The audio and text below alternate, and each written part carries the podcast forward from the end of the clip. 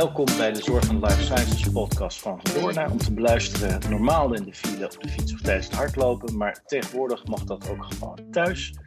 Mijn naam is Kees-Jan de Boer, eh, advocaat marktregulering en mededinging bij Van Doornen. En vandaag wil ik het hebben over zorgvastgoed. En bij mij in de thuisstudio is digitaal aangeschoven mijn collega Mark Molhuizen, specialist op het gebied van vastgoed. Welkom Mark. Ja, Kees-Jan, uh, dankjewel. Zo, uh, wij moeten het vandaag eens even over zorgvastgoed hebben. En uh, ik denk dat er geen betere introductie is dan dat jij gewoon eens even kort vertelt wat jou en je team uh, zoal bezighoudt op dit moment. Ja, als het gebied uh, gaat over zorgvastgoed, dan is dat eigenlijk heel breed. Hè. We zijn op dit moment voor een aantal ziekenhuizen bezig met, met nieuwbouw en vastgoedontwikkelingen. En ook voor, voor care-instellingen zijn we bezig met met nieuwe huisvesting en met verkoop van, uh, van oud vastgoed. Uh, met, uh, met inkoop van, uh, van vastgoed. eigenlijk alles op het gebied van, van vastgoed en, en zorg. Ja. En wat zijn nou daar de, de hot topics wat jou betreft? Hè? Laten we misschien corona even parkeren voor straks. Maar hè, zijn, wat zijn nou ontwikkelingen waarvan je zegt van, die zijn echt nieuw de afgelopen twee, drie jaar?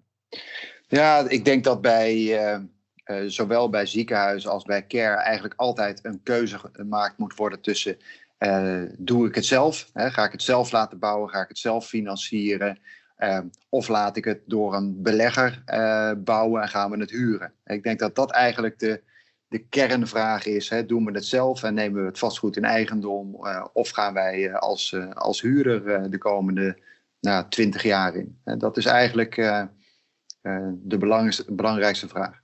Ja, en wat zijn daar dan uh, de relevante afwegingen? Van wanneer doe je het een, wanneer doe je het ander? Het zal vast een heel genuanceerd verhaal worden, maar als we dat grosso modo proberen bij de kop te pakken.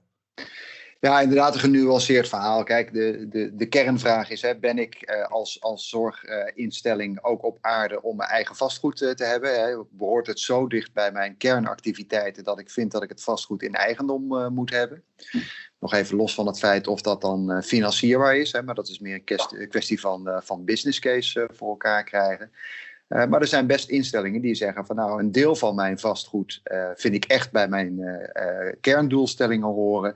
En een ander deel niet, heb ik wel nodig. Ehm, als het bijvoorbeeld gaat om, om kantoren of wat ja, verder weg staande van de zorgfunctie staande functies. Um, nou, dan kan je wel zeggen van dan huur ik daar uh, en ben ik ook wellicht in de toekomst wat, uh, wat flexibeler.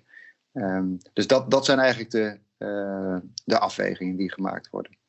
Ja, en, en als we dan denken aan investeerders die met zo'n zorginstelling moeten gaan optrekken, hoe, hoe komen die in beeld en wat voor partijen moeten we dan aan denken? Ja, dat zijn verschillende soorten partijen. Uh, die, die komen in beeld in de regel na een uh, soort tenderprocedure. je gaat op zoek naar een partij die bij, uh, bij je past. Eh, en er zijn allerlei partijen die daarin geïnteresseerd zijn. dat zijn pensioenfondsen tot, tot ja, veel op dit moment Belgische uh, beleggers, beursgenoteerde beleggers, die uh, speciaal in, uh, in zorgvastgoed geïnteresseerd zijn. En dat zijn allemaal partijen die de zorgsector in Nederland ook goed kennen. En dat zijn partijen waarmee prima, prima te werken is. Ja. En dus, dus zorgvastgoed is een interessante investering als die pensioenfondsen erin zitten. Stabiel. Ja. Ja, je ziet uh, in, in toenemende mate daar belangstelling voor. Hè. Dus dat is zorgvastgoed in, in de zin van uh, uh, ziekenhuisgebouwen of parkeergarages voor ziekenhuizen. Maar bijvoorbeeld ook woningen van een care-instelling, waar de care-instelling de zorg verleent. Maar het vastgoed van die woningen bij de belegger zit. Ehm, tot partijen die zowel ehm, het vastgoed realiseren als de zorg willen realiseren. is meer een soort van particuliere zorg. Hè? Dus dat zijn verschillende soorten zorgvastgoed. Nou, en uh, waar komt nou voor die, voor die instellingen de, de behoefte aan, aan zorgvastgoed vandaan? Hè? Wat zijn de drivers uh, van dit soort trajecten? Ja, ja dat heeft ehm, te maken met het vastgoed zelf. Hè. Vaak is er vastgoed dat, wat gewoon oud is. En, en, dan kan je kiezen, ga je zwaar renoveren of ga je nieuw bouwen. Het heeft ook alles te maken met, uh, met de doelgroep waar die zorginstelling uh, de zorg uh, voor levert. Dat is een wat andere doelgroep dan in het, in het verleden, hè, waar het vaak ouderen waren. Um, komen mensen tegenwoordig vaak veel later in, in aanmerking voor zorg. Hè. En als er zorg wordt geleverd, is dat een, veel zwaardere vorm van zorg. En daar is het vastgoed eigenlijk niet op ingericht. Ehm, dus je ziet dat het vastgoed niet ja, uh, niet actueel genoeg is, technisch niet, maar ook qua doelgroep niet. En dat betekent dat er eigenlijk een andere behoefte ontstaat.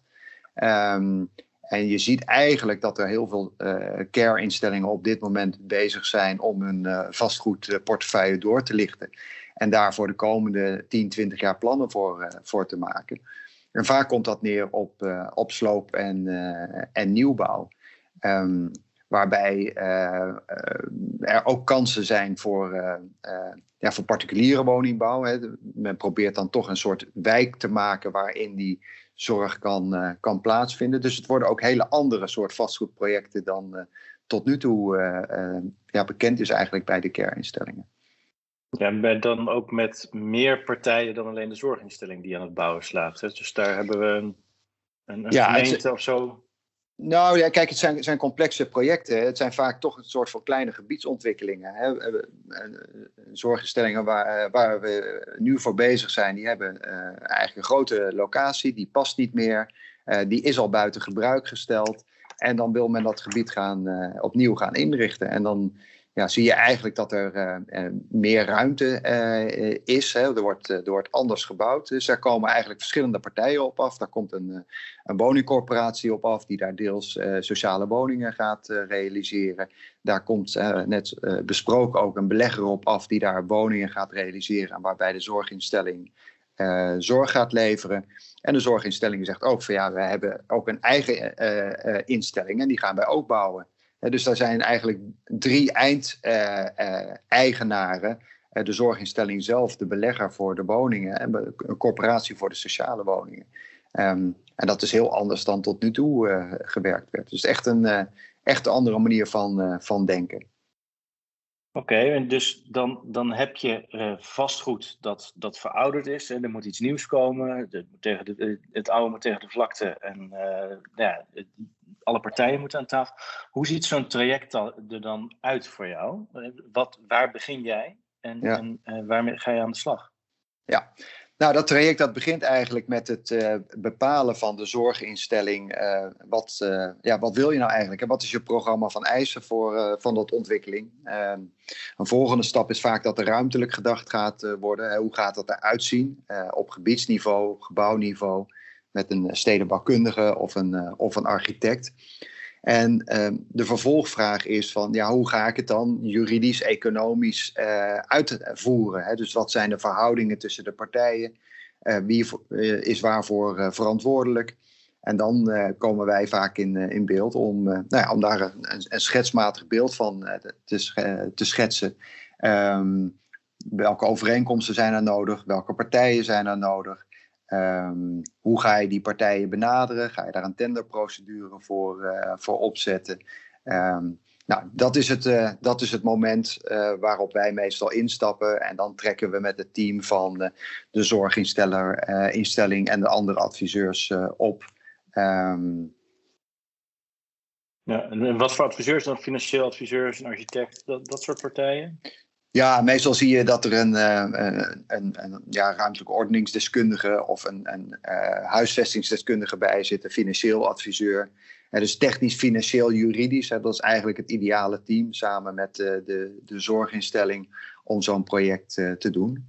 Um, enkele keer wordt daar ook wel een makelaar bij, bij gehaald als er via een tenderprocedure partijen worden gezocht. dus een beetje afhankelijk van van het soort projecten, de wijze van marktbenadering. Maar ja, er zijn meerdere disciplines uh, nodig. Ja.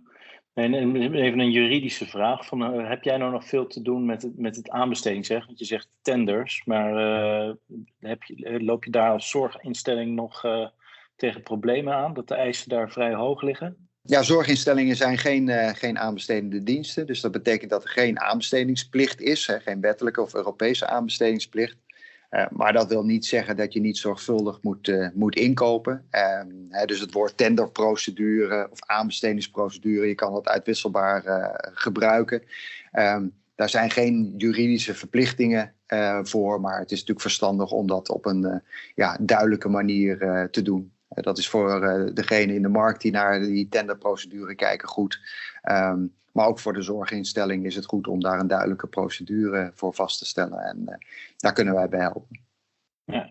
En misschien goed, de academische ziekenhuizen zouden niet allemaal, maar mogelijk daar nog iets anders in kunnen zetten, toch? Ja, ja, academische ziekenhuizen die worden wel gezien als aanbestedende diensten. Ja, dus daar, uh, daar geldt het wel voor, maar een doorsnee zorginstelling, een uh, uh, ja, normaal ziekenhuis, perifeer ziekenhuis of een care-instelling niet.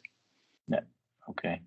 En wat zijn nou, wat jou betreft, de valkuilen, zeker in die eerste fase?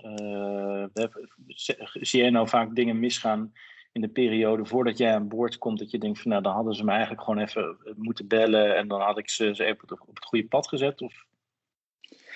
Ja, dat gebeurt toch wel regelmatig. Hè? En dat hangt eigenlijk samen met, met de vraag wanneer bel je nou je juridisch adviseur? Um, want eigenlijk voordat, ja, gebeurt toch wel regelmatig dat voordat je erbij betrokken bent, dat er toch wel keuzes worden gemaakt die juridische implicaties hebben. Of uh, implicaties hebben voor de structurering van de contracten, de verdeling van risico's.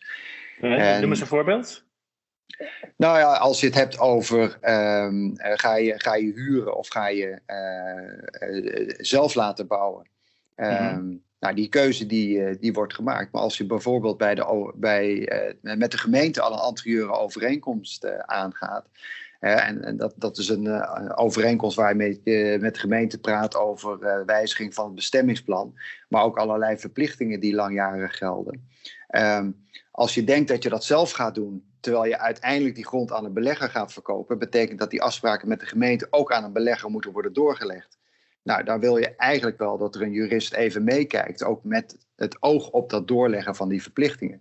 En vaak zie je dat zo'n anterieure overeenkomst heel erg in het voortraject uh, zit. Uh, en dat dat een beetje op de automatische piloot wordt gedaan. Terwijl de structuur die daarna nodig is om het hele project te realiseren. een behoorlijke impact uh, kan hebben op die anterieure overeenkomst.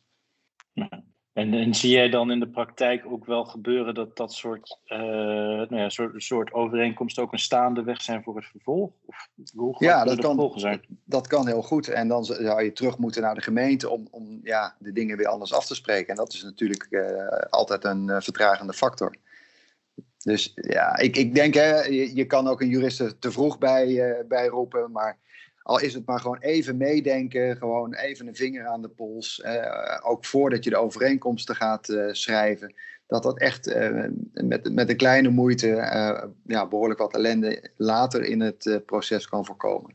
Ja, oké. En heb, heb je andere tips en tricks hè, voor mensen die dit luisteren, die werken bij een zorginstelling en, en dit, zo'n traject zit eraan te komen? Wat zijn nou, wat, wat is je top drie? Nou, wat ik, wat ik zelf altijd uh, prettig vind, en dat is prettig omdat het voor de cliënt denk ik goed werkt, uh, is het organiseren van een workshop. Met de disciplines die ik net uh, besprak, met de financiële, met, met de stedenbouwkundige. Um, van hoe ga je het project nou vormgeven? ik denk dat je met twee uurtjes al bij elkaar te brainstormen heel veel facetten kan, kan bespreken. Ehm, dus dat is één, een, een, workshop. Ehm, twee is um, op tijd beginnen. Uh, klinkt uh, misschien een beetje uh, overbodig. Um, maar het is best complex om de overeenkomsten goed te krijgen, goed op elkaar af te stemmen.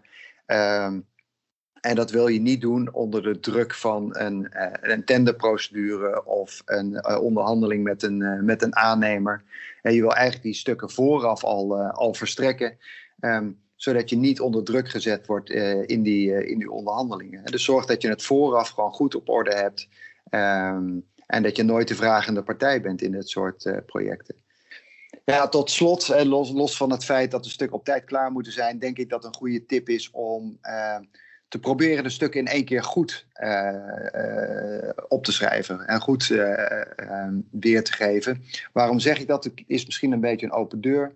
Um, maar sommige juristen of sommige partijen hebben nogal eens de neiging om een enorm scherpe overeenkomst uh, voor hun cliënt uh, te maken. Uh, in dit geval voor een, voor een zorginstelling. Um, terwijl het in mijn ervaring veel realistischer is, veel beter onderhandeld. Om gelijk te proberen een overeenkomst te maken die ook voor de wederpartij acceptabel is. een verhouding tussen een, zorginstelling en een belegger of aannemer is er voor een deel een vertrouwensrelatie. Ehm, en daarmee is het denk ik goed om te proberen gelijk een overeenkomst neer te leggen die voor beide partijen acceptabel is en goed werkt. Ehm, in ieder geval in, uh, in mijn ervaring helpt dat enorm bij de snelheid en de souplesse van zo'n proces. Ja, dus niet op het scherp van de snede onderhandelingen voeren over zo'n groot traject, is jouw advies eigenlijk? Nou, kijk, die onderhandelingen die, die komen er toch wel. Maar als je een heel eenzijdige overeenkomst neerlegt, of dat nou een huurovereenkomst is of een aannemingsovereenkomst, uiteindelijk kom je toch uit is mijn ervaring op model wat wij als eerste neerleggen. en dan kan je dat denk ik veel beter in één keer eh, doen. En als je de markt kent, de, de zorgmarkt, de zorgvastgoedmarkt, eh, eh, de, de vastgoedontwikkeling en aannemersmarkt, dan kan je dat denk ik ook heel goed, heel goed doen. En ja, die ervaring en die tip geef ik graag mee. Oké. Oké, en zie jij nou in, in, uh, in dit soort trajecten, zijn bijvoorbeeld partijen als het college sanering, zijn dat nou nog uh, toezichthouders waar we echt rekening mee moeten houden in de zorg? Of neemt dat nou eindelijk af? Nou, mijn ervaring is dat, zeker, uh, dat dat zeker niet afneemt. En dat dat partijen zijn waar je wel degelijk rekening mee moet houden. en ook daar zou je eigenlijk kunnen zeggen van ja, betrek juristen zo snel mogelijk. Want wat ik wel zie is dat er vaak uh, iets gemeld wordt bij het college sanering, terwijl dat helemaal niet nodig is. Hè? Uh, die, die, meldingen zijn echt niet op alle bouwprojecten van toepassing of verkooptrajecten. Uh, dus doe dat, doe dat in overleg. Hè? Want als je eenmaal in dat dossier zit, dan moet je met het college ook verder. Ehm, ja, en verder heb je er wel rekening mee te houden. Hè? Dus je hebt rekening mee te houden dat als je vastgoed vervreemdt, dat je langs dat college moet. Nou, en dat dat uh, vervreemd op een marktconforme manier moet. Um, nou, wij hebben daar veel uh, ervaring mee, dus wij kunnen daarbij uh, bij helpen. Ook daar denk ik is een, een vroegtijdige betrokkenheid wel, wel van belang. Right, ik had hem net al een beetje aangekondigd, maar dus de onontkoombare vraag op dit moment. maar wat gaat nou de, de coronacrisis voor een impact hebben op vastgoedtrajecten de komende jaren. Heb jij daar een, een, beetje een visie op? Ja, wat ik gezien heb in de, in de praktijk. Hè, we zijn natuurlijk inmiddels een, eh, een jaar verder. En uh, toen die coronacrisis eigenlijk begon, uh, was ook in de vastgoed- en bouwsector de, de, vrees voor een enorme impact. vertragingen in de bouw, et cetera. Nou, in, inmiddels zie je eigenlijk dat vastgoedontwikkeling en bouw gewoon doorgaat. Uh, er eh, zijn protocollen gemaakt voor uh, hoe te werken op, op de bouw. en dat werkt heel goed. in andere landen heeft de bouw wel periodes stilgelegen, in Nederland niet. Um, en je ziet eigenlijk in de praktijk geen invloed, of nauwelijks invloed van zeg maar, de coronamaatregelen op die bouw. Um, in de overeenkomsten houd ik daar altijd wel rekening mee. Stel dat er inderdaad in een specifiek project impact is op zo'n project, hoe verdeel je dan eh, de risico's? Ehm, maar in de praktijk is het me eigenlijk het afgelopen jaar uh, ontzettend meegevallen hoe ja, gewoon uh, de projecten eigenlijk doorgang vinden. En ik denk dat dat, uh, kijkende waar we nu staan, ik bedoel, ik werk niet bij het RIVM, maar als het zo doorgaat of de maatregelen minder worden, dan denk ik dat die impact eigenlijk verrassend uh, minimaal is op vastgoedontwikkeling en bouw. Want dat is op zich goed nieuws. Geen impact op vastgoed en bouw, maar gaat dat aan de huurkant ook goed? Hè? Want eh, de café-eigenaren procederen lustig op los, maar ook in de zorg hebben we onderbezetting of onderproductie. Zie je daar nou ontwikkelingen op dit moment? Nou, kijk, wat je wel uh, ziet is dat in, uh, in huurrelaties er wel, uh, wel discussie ontstaat. Dus als een, een huurder, en of dat nou een kinderopvang is of een, of een school of misschien een kapper binnen een zorginstelling, ik, ik noem maar wat, gesloten moet, moet zijn, dan heeft die huurder geen of, of verminderde inkomsten. En dan kan je de discussie krijgen wie draagt dat risico. En daar zie je op dit moment veel procedures over. Uh, moet een verhuurder uh, bijvoorbeeld de huur opschorten of moet de verhuurder meewerken aan, uh, aan huurprijsvermindering? Dat zijn wel zaken waar discussies over ontstaan. Goed, de 20 minuten zitten er bijna op, Mark. Ehm, ik, wat ik leuk vind om als afsluitende vraag jou te stellen: van, heb jij nou op dit moment lopende dossiers, zonder namen te noemen, waar je heel enthousiast van wordt? Hè? Waar word je blij van op dit moment? Oh, waar ik blij van word. Um, nou, als het over zorginstellingen gaat, vind ik het altijd enorm eh, leuk om samen met het team van de, van de zorginstelling, de, de, de vastgoedmensen, samen met andere adviseurs een project echt vorm te geven. Um, echt mee te denken over, nou, wat is de, nu de situatie, wat is de beginsituatie en wat is de gewenste eindsituatie. Uh, en daar zijn zoveel onzekerheden daartussen, tussen begin en ja, geprojecteerde eindsituatie. Um, ik heb het gevoel dat ik daar uh, uh, met het hele team een goede bijdrage aan kan leveren om van A naar B te gaan. Um, en ja, dat vind ik, uh, vind ik iets waar ik enthousiast van, van word. Ja, echt samenwerken. Echt samenwerken ja. en ook, ook zien dat je een bijdrage kan leveren. Uh, wij hebben inmiddels zoveel uh, vastgoedprojecten in de zorg gedaan dat we ook ja, verschillende ervaringen kunnen, kunnen meenemen. En we kennen de zorginstellingen goed, maar we kennen ook de beleggers, de aannemers goed. dus je kent beide kanten van de medaille. Je kent alle belangen die een rol spelen. Ja, en dat kan je met die ervaring gewoon goed bij elkaar brengen. ja, daar word ik heel enthousiast van. En, en wat natuurlijk ontzettend leuk is in het vastgoed, is dat je jaren aan een project kan, uh, kan werken. En uh, uiteindelijk staat het, daar kan je erin uh, in rondlopen. En ja, heeft alles gedaan, alle overeenkomsten gedaan wat ze moeten doen. Ehm, en kom je tot een resultaat, tot een nieuwe zorginstelling, tot een nieuw, ja, nieuwe bewoners die daar wonen. Dat vind ik altijd mooi om te zien. Nou, ja, dat kan ik me goed voorstellen. Dat, uh, met marktregulering en specialisatie heb ik daar toch minder last van dat ik in mijn zaken rond kan lopen. Maar uh, uh, dat is weer een heel ander verhaal. Ja. dankjewel voor je tijd, Mark. Misschien nodigen we je nog een keer uit om het eens te hebben over wat is nou het verschil tussen een zorgovereenkomst en een huurovereenkomst. Dat is volgens mij ook altijd een hot topic. Zeker. voor nu bedankt. en iedereen thuis of in de file bedankt voor het luisteren. Tot de volgende keer. Bedankt. Thank you.